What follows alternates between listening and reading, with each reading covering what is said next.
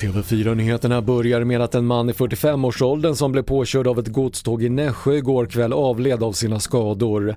Enligt polisen ska mannen ha genat över spåret tillsammans med en annan person som klarade sig oskadd när olyckan inträffade. Priserna fortsätter att rasa på bostadsmarknaden och sjönk nästan 4% på en månad enligt analysföretaget Valueguard. Tappet märks ungefär lika mycket på både bostadsrätter och villor och sett på tre månader är priserna i snitt ned nästan 6%. Idag avgörs vilka två kandidater som ska göra upp om ledarskapet i det konservativa partiet och premiärministerposten i Storbritannien.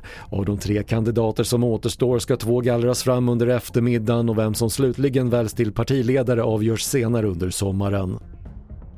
Och trots att pilotstrejken blåstes av igår har SAS även idag ställt in cirka 40 flygningar från flygplatserna i Stockholm, Göteborg, Köpenhamn och Oslo.